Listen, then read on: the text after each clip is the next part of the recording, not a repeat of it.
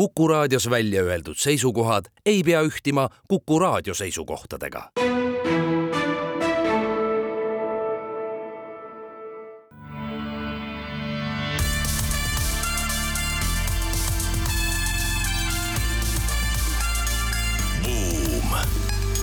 buumile annab hoogu SEB Pank oleme taas eetris Buumi saatega, saatejuhid sedapuhku Ott Pärna ja Anton Liivat. Uudisteploki avame teadaannetega sellest, et äh, Meta elik Facebook purustas veebruari alguses aktsiahinna tõusu päevarekordi ja kui Metal ja Mark Zuckerbergil tema juhina läheb päris hästi, siis Apple'il paistab olema viisil või teisel häda käes. räägime ka sellest, et Spotify lasi hiljaaegu lahti seitseteist protsenti töötajatest, nende seas ka populaarse muusikaentsüklopeedia looja. miks ikkagi inimesed iduettevõtetest pärast eh, nende mahamüümist lahkuvad? äsja toimus Ameerika Ühendriikides supersuur spordivõistlus nimega Super Bowl Ameerika jalgpallis ja räägime seal kõigepealt sellest, et ta oli tohutult vaadatud või üks vaadatavaid telesaateid üleüldse ja siis natuke arutleme ka nende reklaamide üle, mida seal vahe, vahetevahel ikkagi näidatakse. meie tänane saatekülaline on SEB Panga kapitaliturgude maakler Erik Laur, kes aitab meil ka uudiseid kommenteerida. uurime Eeriku käest, mida võiks maailma majanduselt eh, ning kapitaliturgudelt käesoleval aastal oodata ning kas laenuraha võiks muutuda odavamaks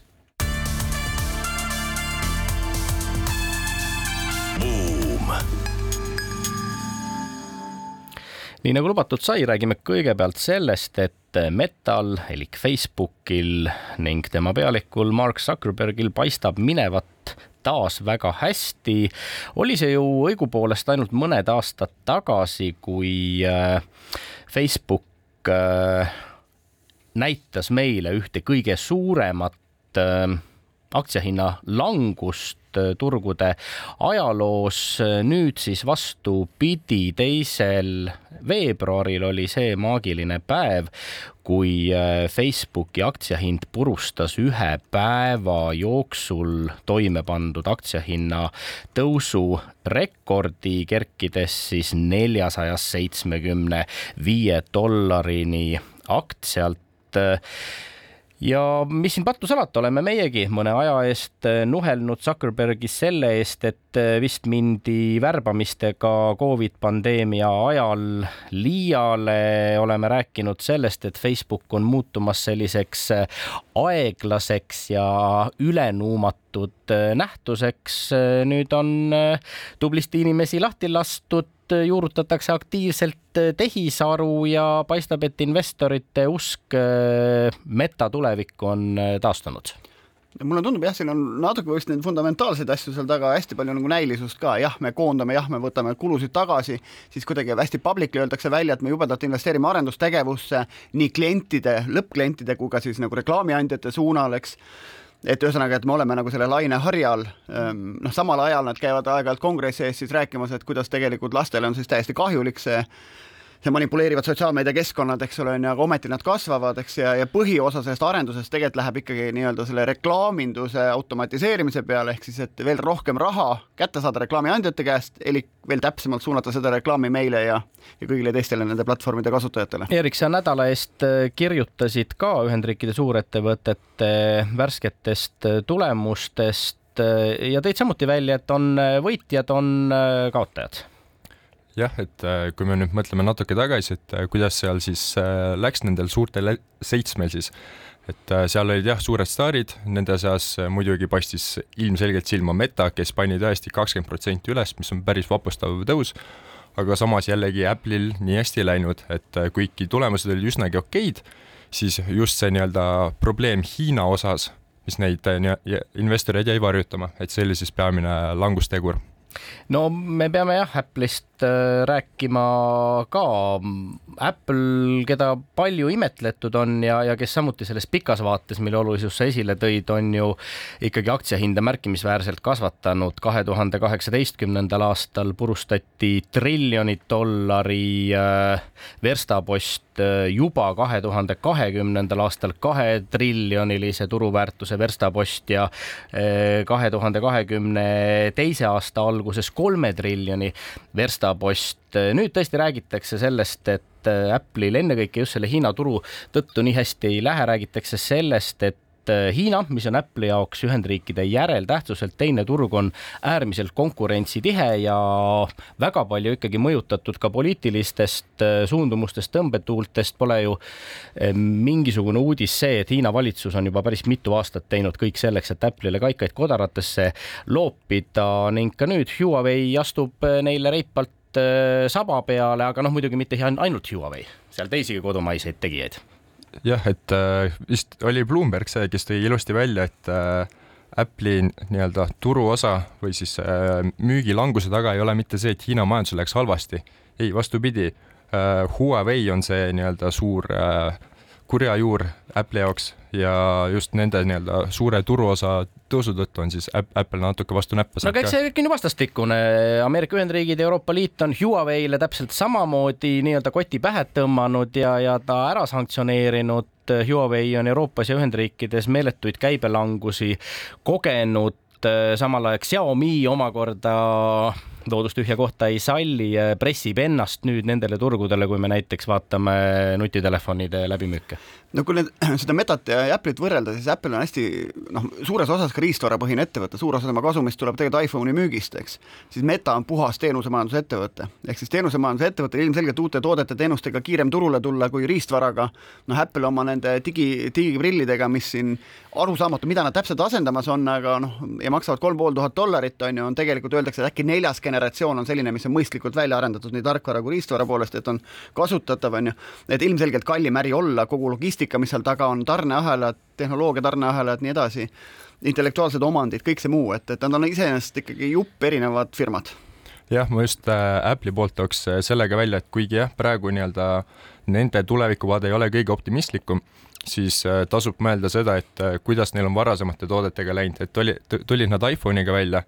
no oleme ausad, oli äge, et puutetundlik versioon, aga väga palju nii-öelda vigasid oli küljes, kui, kui panid näpu valesse kohta, siis polnud levi ja noh, sama, sama oli ka ju uute toodete AirPodsidega. küll tuli see nali, et äh, osta kaks, äh, saad kolmanda pealekauba, sest noh, muidu kaovad ära aga nüüd näed, nüüd bussiga sõidad, siis pea kõigil on AirPodsid kõrvas olemas. jah, aga noh, samas me teame ka sedasama Apple'it, kellel on väidetavalt miljard krediitkaardi numbrit, kui ta tahaks uuele, mõnele uuele ärivaldkonnale minna, on ju, kuidas ta tegelikult oma teenustega püüab ikkagi raha teha, App Store'id, asjad, eks, et, et proovi seal olla nagu tasuliste äppidega üleval, et, et vaata, mis, et, et kui kallis see lugu on. kui me aga... räägime Apple'i teenustest, jah, siis me räägimegi ennekõike reklaamiärist, aga, aga räägime jah, muidugi ähm, App Store'ist, äh, Apple Musicust, Apple TV-st, äh, võib-olla üks suuremaid riske hoopistükkis ongi Apple'i jaoks praegu juriidilist laadi, nimelt märtsi alguses hakkavad siis kehtima Euroopa Liidus uued mängureeglid, mille kohaselt Apple'i aplikatsioone ei pea enam ilmtingimata laadima endale App Store'i kaudu. Ja, ja see tegelikult Apple'i üüratuid Äh, teenuste kasumimarginaale peaks vähemalt Euroopas kenasti kärpima. No me siin Metast ja Apple'ist kõrvuti räägime, võib-olla Meta puhul, mis tasuks välja tuua, on Sheryl Sandberg, äh, kaksteist aastat olnud tegevjuht või juhatuse esime-, esinaine, paneb ameti maha ja väidab, et, et Meta läheb siis hetkel piisavalt hästi, et õige aeg maha panna või mantel üle anda, ta jääb küll vist äh, juhatuse nõunikuks aga, aga jah, tegevjuht paneb ameti maha, mis on üldiselt hästi-hästi märgiline ja ilmselt noh, kui aktsia on maksimaalselt kõrgel, siis võib-olla ongi seda turvaline teha, on ju, kui, kui mõnes teises positsioonis. aga mis peab ütlema, et ta on tegelikult, kurat, ta on kaksteist aastat Metat juhtinud või Facebooki põhiliselt, et ta on üks autoritest selles osas, kes on siis kogu selle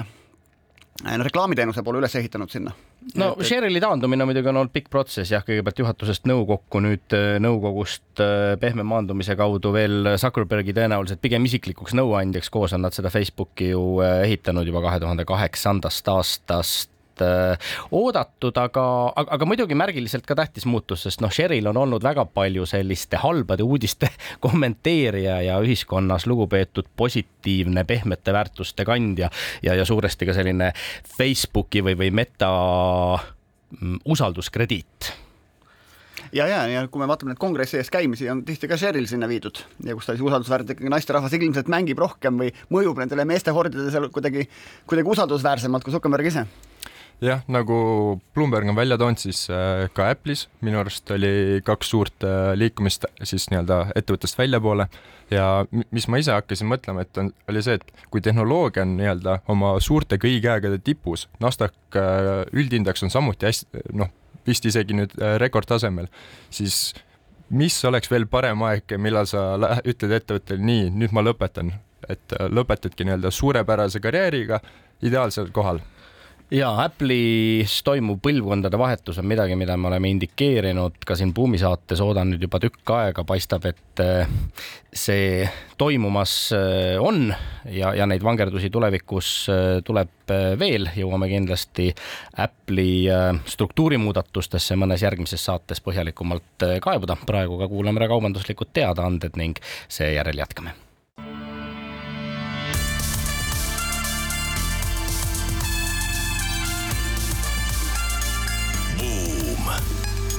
buumile annab hoogu SEB Pank oleme tagasi Buumi eetris, saatejuhid Ott Pärna ja Anto Liivat ning meie tänaseks saatekülaliseks on SEB kapitaliturgude maakler Erik Laur, kes aitab meil ka uudiseid kommenteerida. Spotify lasi üsna värskelt lahti seitseteist protsenti töötajatest, nende seas siis ka populaarse muusikaentsüklopeedia Every Noise at Once looja. ei ole kuidagi eripärane see, et suured tehnoloogiaettevõtted inimesi viimasel ajal äh, koondavad, millistel taotlustel seda, Eerik, tehakse? noh, eks äh, siin ma arvan, tuleb välja ka USA eripära, mis on suuresti võrreldav Euroopaga, et USA-s nii-öelda töötajate töölevõtmine ja vabaks lahtmine on palju, palju lihtsam ja seetõttu on ka USA-s praegu produktiivsus palju kõrgem. kui me võrdleme näiteks Saksamaaga, kus on kaks tuhat kakskümmend kolm aasta algusest saati produktiivsus langenud, ning seal on äh, palgad päris märgatavalt tõusnud, siis ma arvan, majanduse kontekstis on see nagu päris valus Euroopale just. mis on huvitav, on Spotify's töötab või töötas üheksa pool tuhat inimest ja noh, peakorter on Stockholmis, me mõtleme, et on kõik Stockholmis, aga tegelikult ei, neli pool tuhat on Ameerika Ühendriikides, kus on ka nende põhiline turg ja, ja noh, ilmselt seal otsas oli see ka koondamine, vaevalt et ta Stockholmis selles mahus oli. ja see härrasmees, kellele melomaanid äh, kaasa elavad, on Glen MacDonald kes siis äh, asutas äh, suure massiivse muusikaentsüklopeedia ja see Every Noise at Once on siis äh, selline koht või lehekülg, kuhu minnes saate te ligi Äh, tohutule muusikastiilide puule ja saate sealt kuulata erinevate muusikastiilide stiilinäiteid. Äh, üleval on seal tõesti nii äh, Ukraina elektrooniline muusika, Mehhiko trance kui ka Eesti džäss ja Saudi Araabia klassikaline muusika. iseenesest põnev, huvitav, tore koht, aga seoses siis ähm, Spotify'st kinga saamisega ei pääse Glen McDonald enam ligi ka kogu sellele informatsioonile või andmetele, mis Spotify käes on ja, ja on öelnud, et äh, seda muusikaentsüklopeediat sellisel kujul enam edasi pidada ei saa, melomaanidel ajas see harja punaseks. Äh, sulle, Ott, aga jäi silma Whartoni ärikooli, kellega oled isegi koostööd teinud kaasprofessori Daniel Kimmi artikkel Harvard Business Reviews, kus ta kirjutab äh, sellest, äh,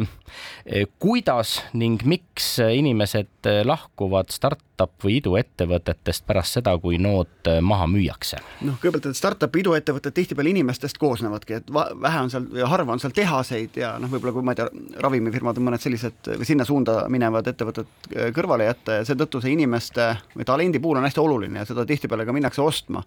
ja noh, põhiline viis seda kinni hoida on siis kõikvõimalike optsioonidega ja tihti on see, et need optsioonid on esimese hooga, nad jooksevadki välja sinnamaani, kus siis mingid investorid sisse tulevad, eriti kui on selline suur noh, müük, kus müüaksegi terve ettevõte maha, on ju, siis tegelikult vestitakse need või selleks ajaks vestimisele jõutud optsioonid realiseeritakse ära ja tegelikult inimesed on vabad. noh, tõsi on see, et koos selle ostmisega tihti ostetakse tingimuslikult, et mingitele inimestele jäävad nii-öelda kuldsed käerauad, ehk siis neile jääb mingi järgmine optsioon ja kui sa siis oled, ma ei tea, kolm aastat veel ettevõttes, on ju, siis sul see optsioon vestib, ehk siis realiseerub ja sa saad noh, siis selle lubatud osa ettevõttest, mis sulle siis selle järgmise raundiga nagu lubati. ja me teame siin Eesti ettevõtteid, kus on mehed istuvadki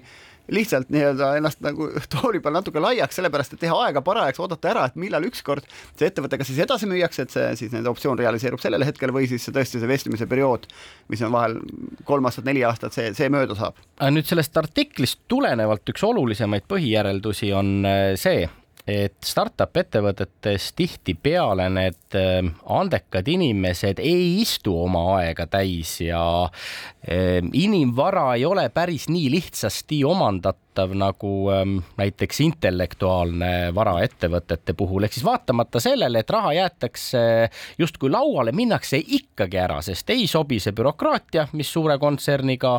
kaasneb ja, ja, ja tihtipeale ei sobi ka see, et tuleb hakata teenima mingisugust konglomeraati ja korporatiivbrändi, selmet ehitada toodet, mis on tavaliselt selliste iduettevõtete töötajate fookuses. Võib-olla see ongi selline elutsükkel üldse startup ides, et kui nad saavutavad teatud taseme, teatud inimesed lisaks, noh, esimesed töötajad saavad rikkaks esimeste optsioonidega ja nii edasi, eks,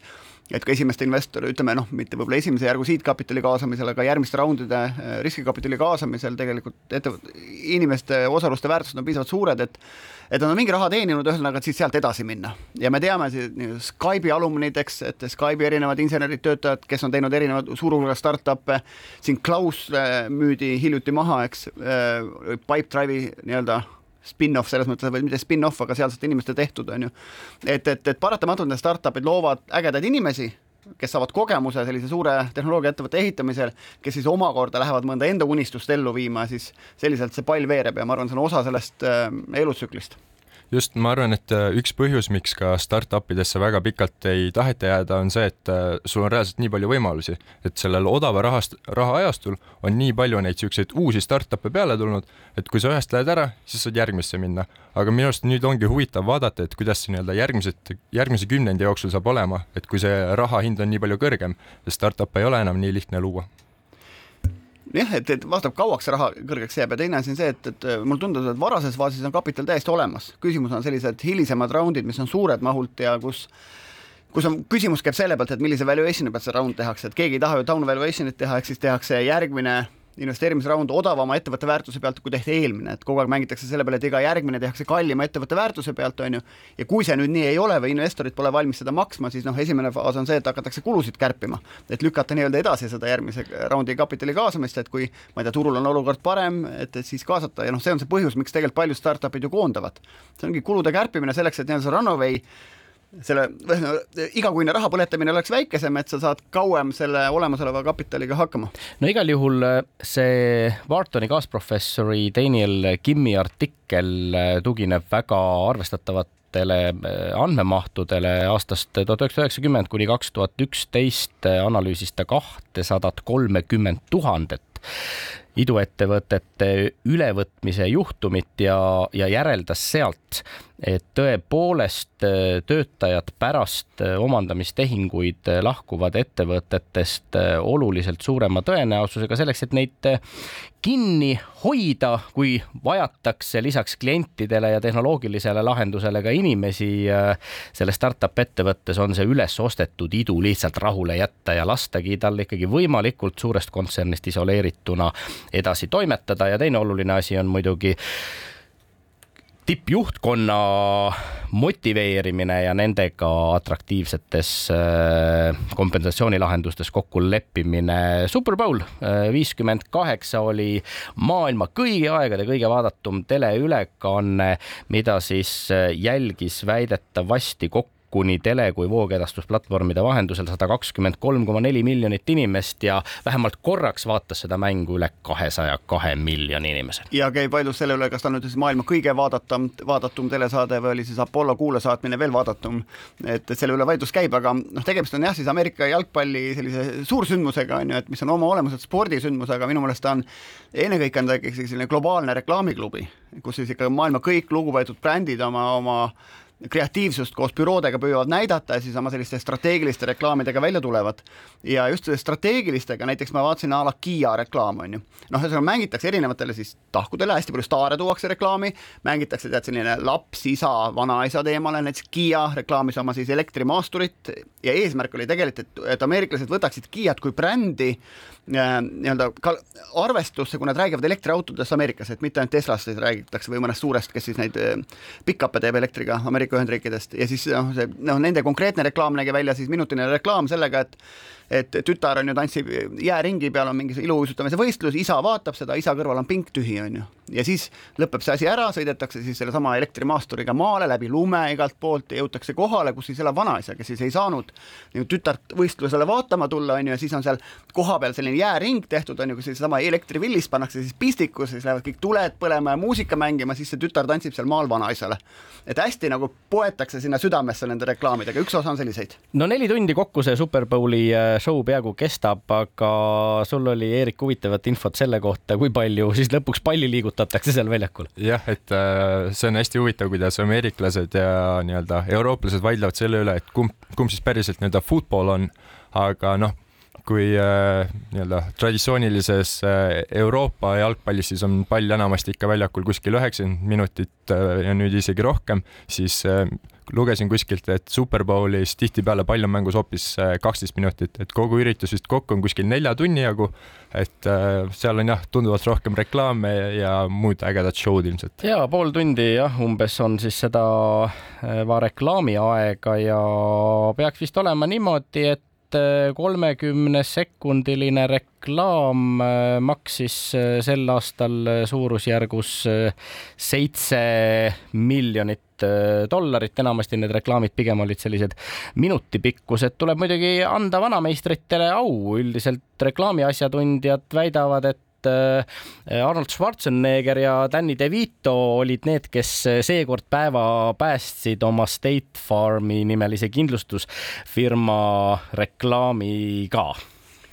jah, et äh, vaatasin ka ise seda reklaami ja see oli tõesti nagu väga hästi tehtud, et äh, kus mina isiklikult esimest korda Superbowli reklaamidega kokku puutusin, oli ülikoolis, äh, kas ta oli äkki e-marketing või marketingkursus kus toodi ka neid samu reklaame näiteks, et äh, kuidas võiks siis nii-öelda inimesteni jõuda ja me pidime siis analüüsima, et äh, mis on siis nende reklaamide puhul nagu erilist, et kuidas nad siis jõuavad äh, ku-, va-, kuulaja vaatajani. Arnold Schwarzeneggeri reklaam oli muidugi hea, et Ameerika Ühendriikides, mis on hästi võrdõiguslik, on ju, või mängitakse sellele tohutult, et siis ähm, tegelikult kogu see reklaam mängis Arnold Schwarzeneggeri aktsendile, kuidas tema ütleb neighbor, on ju. Neighbor. Neighbor, jah, ja, ja, aga see on äge, vaadake seda reklaami. kaks asja, mis mulle silma paistsid, üks oli puud, Bud Lighti õllereklaam, kes eelmisel aastal astus kahvlisse oma reklaamidega just transvestiitide kasutamisel reklaamis ja sellega jäeti siis ilma nagu, jäädi ilma traditsioonilisest õlletarbijast jupp maad on ju, siis, siis seekord tuldi sisse siis sellisega, et, et selles Bud Lightis on siis selline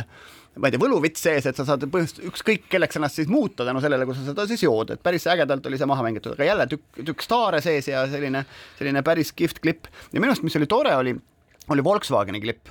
kus äh, tehti mitte konkreetsele Volkswagenile niivõrd reklaami, kui, kui Ameerika Ühendriikide ja Volkswageni suhtele, alates sealt kuuekümnendatest, kui tuli esimene põrnikas Ameerikasse, seal laevaga toodi ja ja kuidas esimesed hipibussid olid ja, ja siis kuidas kaheksakümnendatel olid Volkswagen Golfid, ehk siis et, et et erinevad generatsioonid said samastuda siis selle Volkswageni looga läbi aja, on ju, ja lõpuks näidati siis seda e-bussi või seda väikest elektribussi ja neid, mis oli ilmselgelt siis selline Volkswageni brändireklaam äh, Ameerika Ühendriikides.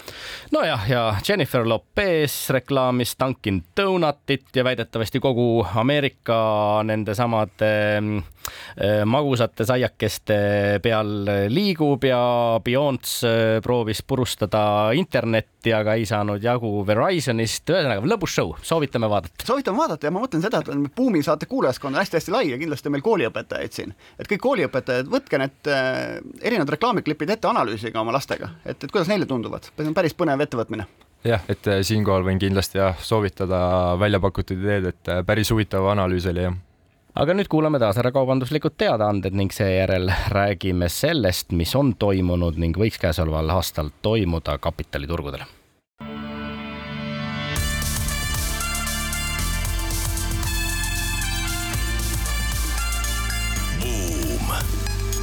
buumile annab hoogu SEB Pank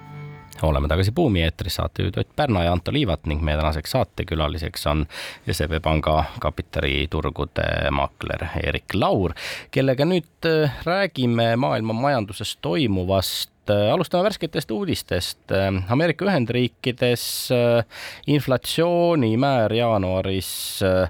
langes kolme koma ühe protsendini. tõenäoliselt on see sealsele keskpangale meelepärane uudis, kas me võime öelda, et sel aastal intressimäärad selgelt langevad ja ainult langevad? no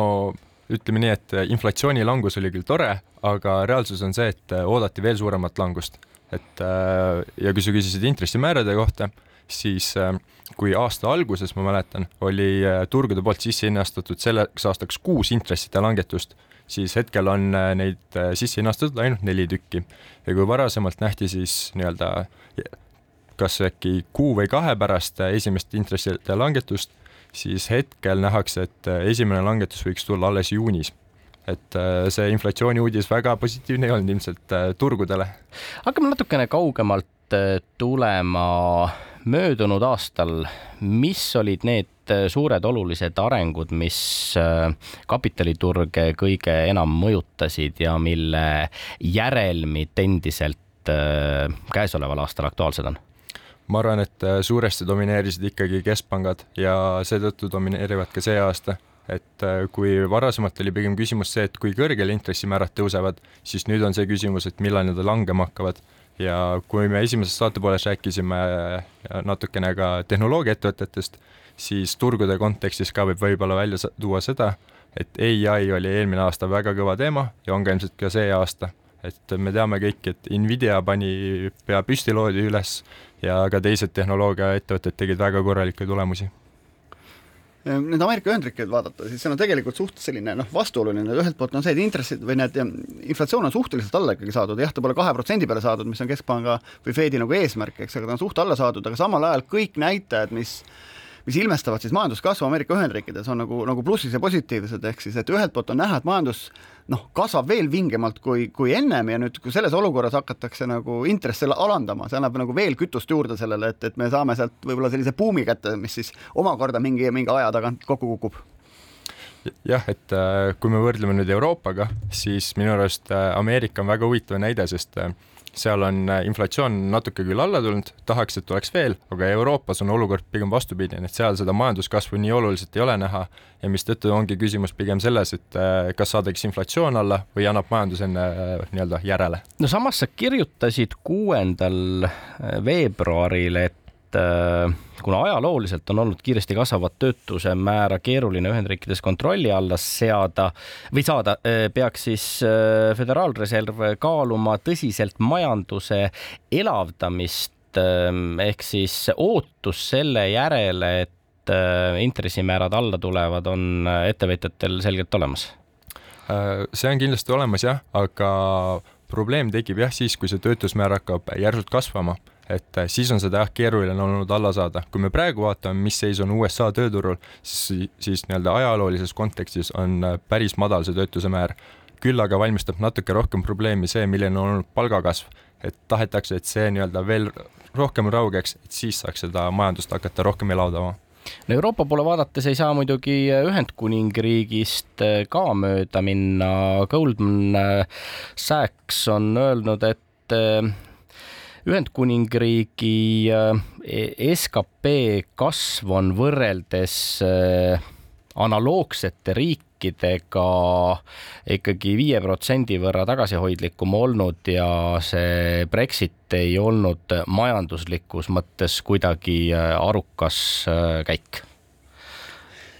jah, no e-, eks siis seda majandust saabki nagu hästi-hästi nagu metatasandilt nagu analüüsida hästi mikrotasandilt, et ma siin loen, loen jälle Ryanairi juhi kommentaari, et, et tegelikult võiks reisijad üldiselt oma pagasist loobuda, oleks, läheks lennu, lennunduses hinnad alla ja oleks kogu see jama, mis puudutab selle käitlemist olemata.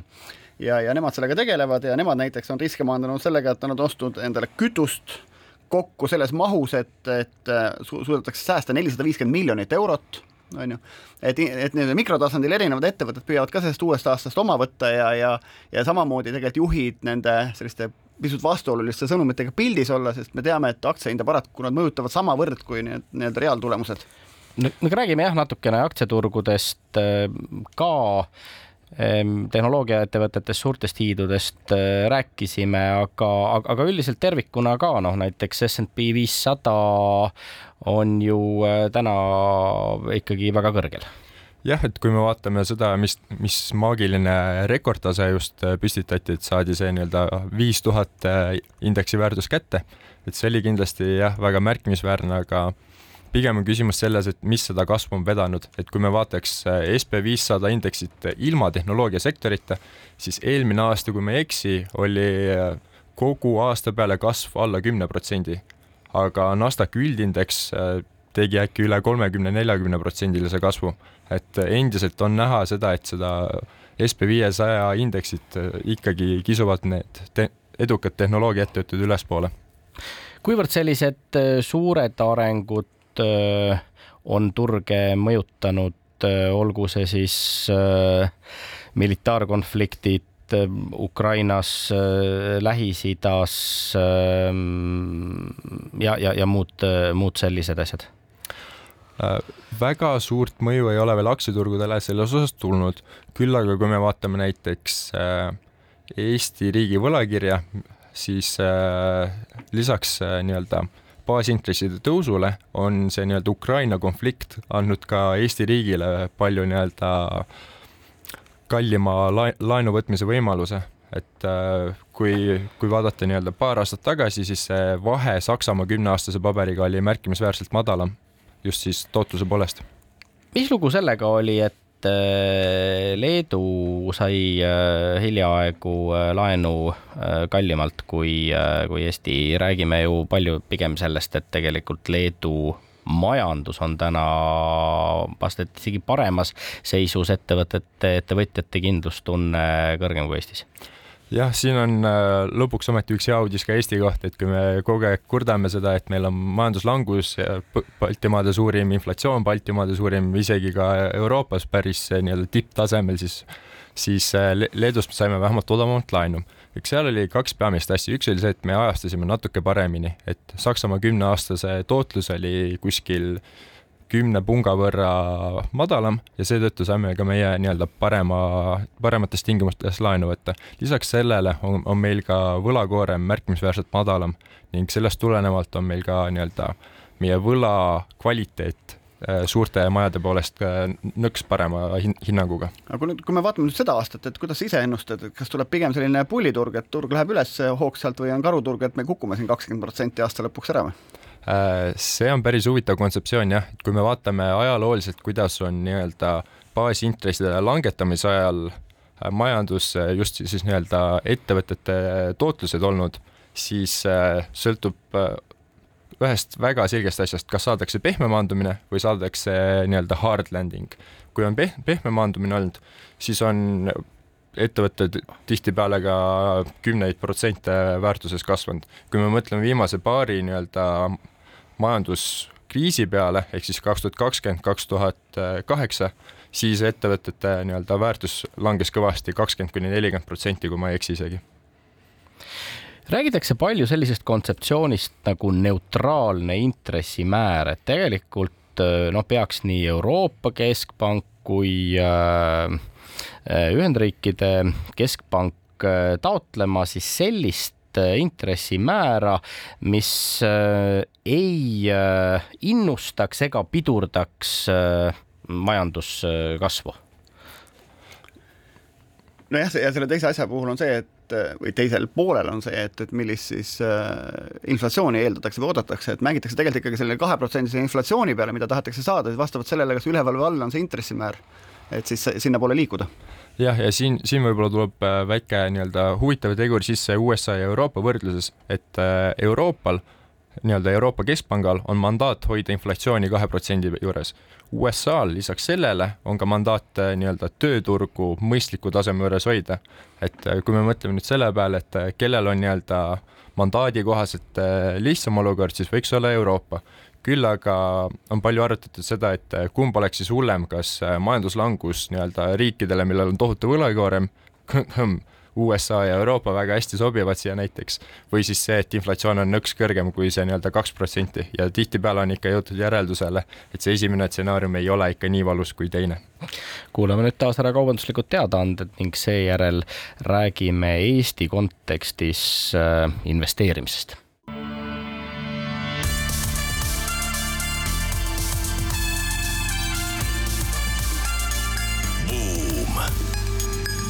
buumile annab hoogu SEB Pank. oleme tagasi eetris, saatejuhid sedapuhku Ott Pärna ja Anto Liivat ning meie tänaseks külaliseks on SEB kapitaliturgude maakler Eerik Laur. uurime nüüd Eeriku käest, äh, mis võiks meid oodata käesoleval majandusaastal ning kuhu äh, eestlased armastavad raha investeerida, paigutada ning kuhu seda paigutada võiks, arvestades äh, majandusruumi ja, ja võimalike trendide konteksti. millised need Eesti majanduse väljavaated sulle käesolevaks aastaks äh, paistavad? Kui ma vaatan neid ägedaid tabeleid, mis äh, nii meie pank kui ka teised pangad teevad prognooside osas, siis selleks kui ka järgnevateks aastateks, siis Eesti võime nii-öelda positiivselt võtta, et paistab silma aga paistab silma kahjuks negatiivse uudisega, et äh, peamiselt nähakse siis kas väga madalat majanduskasvu või isegi majanduslangust, aga maailm tervikuna võiks siis äh, kasvada. Euroopa nõks vähem kui äh, USA ja nii-öelda maailma majanduse kasvumootoriteks nähakse, et saavad olema siis nii-öelda Aasia riigid, et India ja Hiina nojah, aga kui Eestist rääkida, siis jah, Eesti majandus kaheksa kvartalit järjest Äh, languses. Ähm, ikka veel on olemas umbes nelikümmend protsenti inimesi Eestis, kes on enda rahalise olukorraga rahul, aga umbes sama palju on neid, kes äh, olukorraga rahul ei ole just siin toiduainete ja esmatarbekaupade hinnakasv, aga, aga ka energiakulude kasv on siis inimeste toimetulekut äh, mõjutanud kuivõrd Eesti inimestel on äh, raha, vahendeid, mida aktsiaturgudele, võlakirjadesse paigutada? eks äh, midagi jääb ikka üle selles suhtes, aga siin, siinkohal võib võib-olla välja tuua selle, et äh,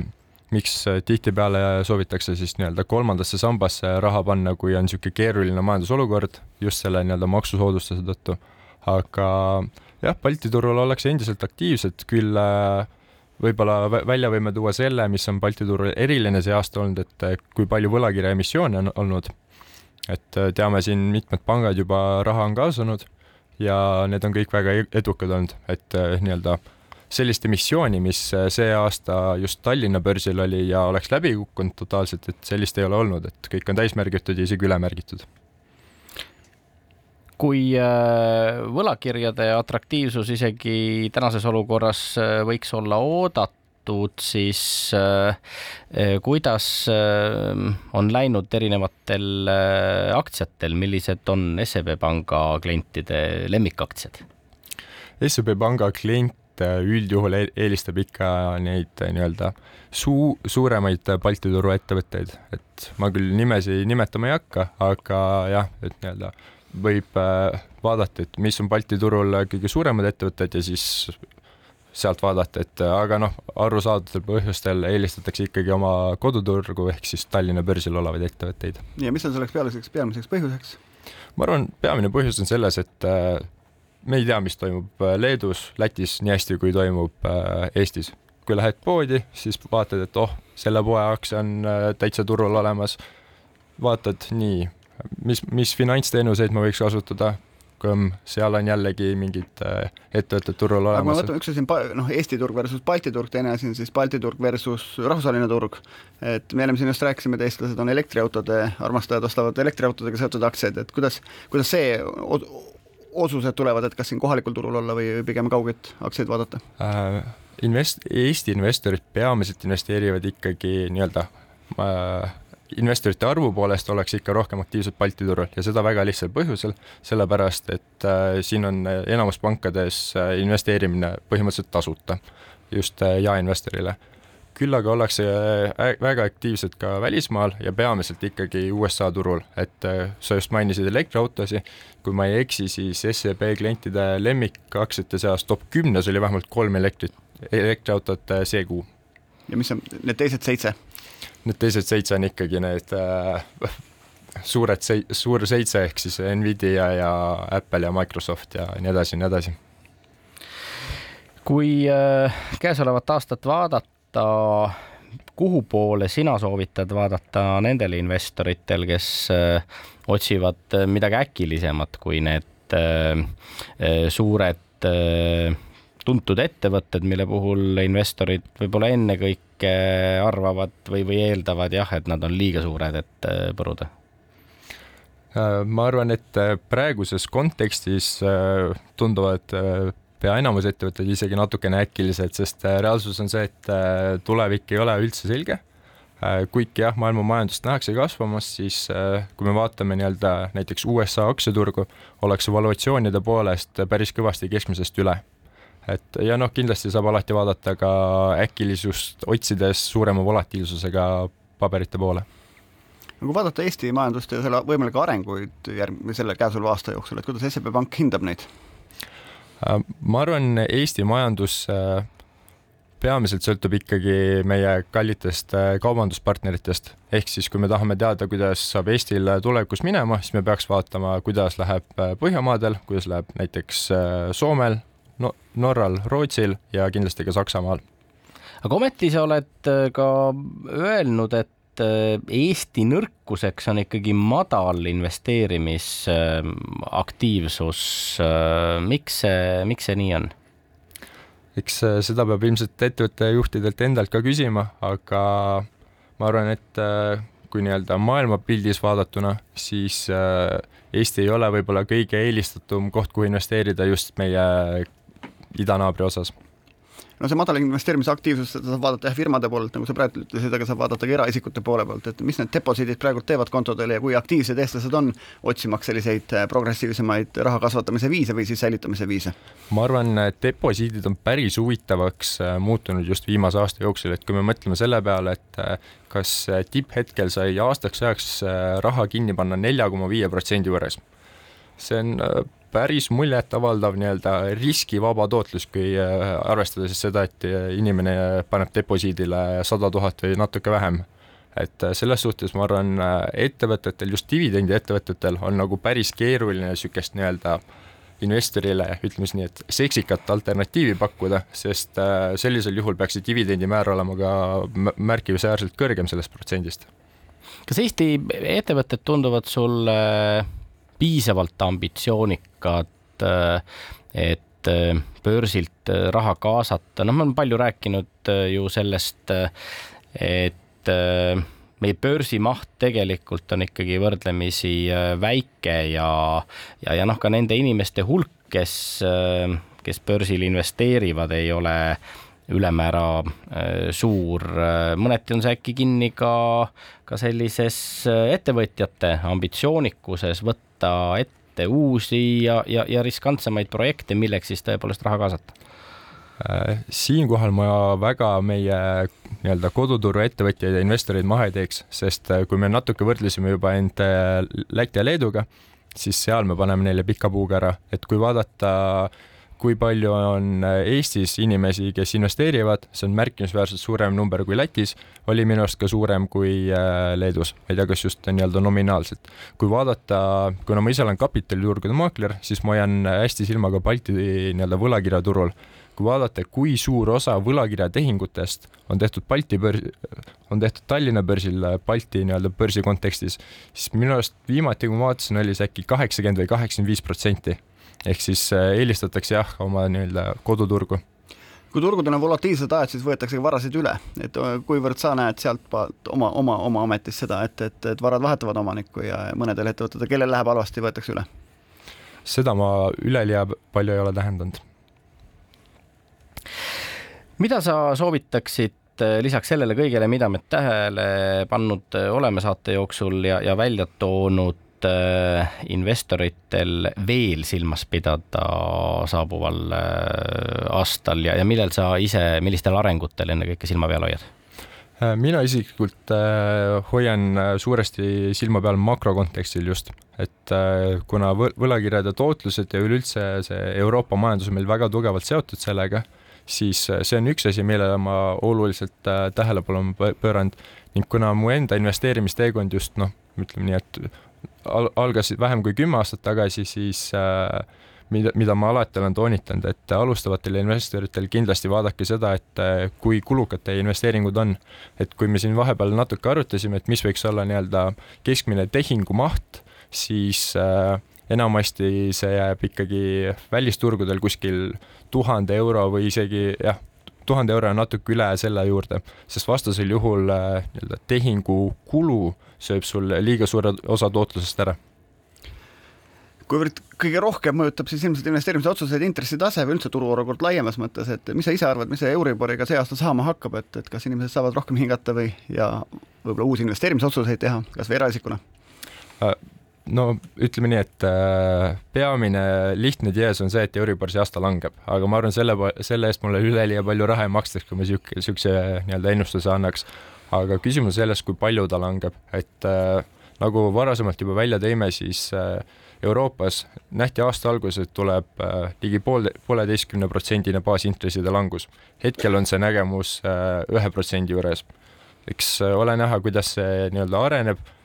ma arvan, et seal langused ikkagi tulevad, ehk siis Euribor võiks ka lang langeda, küsimus on lihtsalt selles, kui palju ja seda kahjuks ma ei tea suur-suur aitäh meile Buumi saatesse külaliseks tulemast, SEB Kapitali turgude maakler Erik Laur. on aeg tänaseks saatele joon alla tõmmata. Buumiga oleme eetris juba täpselt nädala pärast, siis on meie saatekülaliseks e-residentsuse programmijuht Liina Vahtras, kellega räägime sellest, millised on olnud e-residentsuse programmi tulemused ja majandusmõju ning äh, vabariigi aastapäevale kohaselt muidugi ka sellest, äh, kuidas meie e-residendid võiksid aidata Eestit äh, vaimult ja võimult suuremaks teha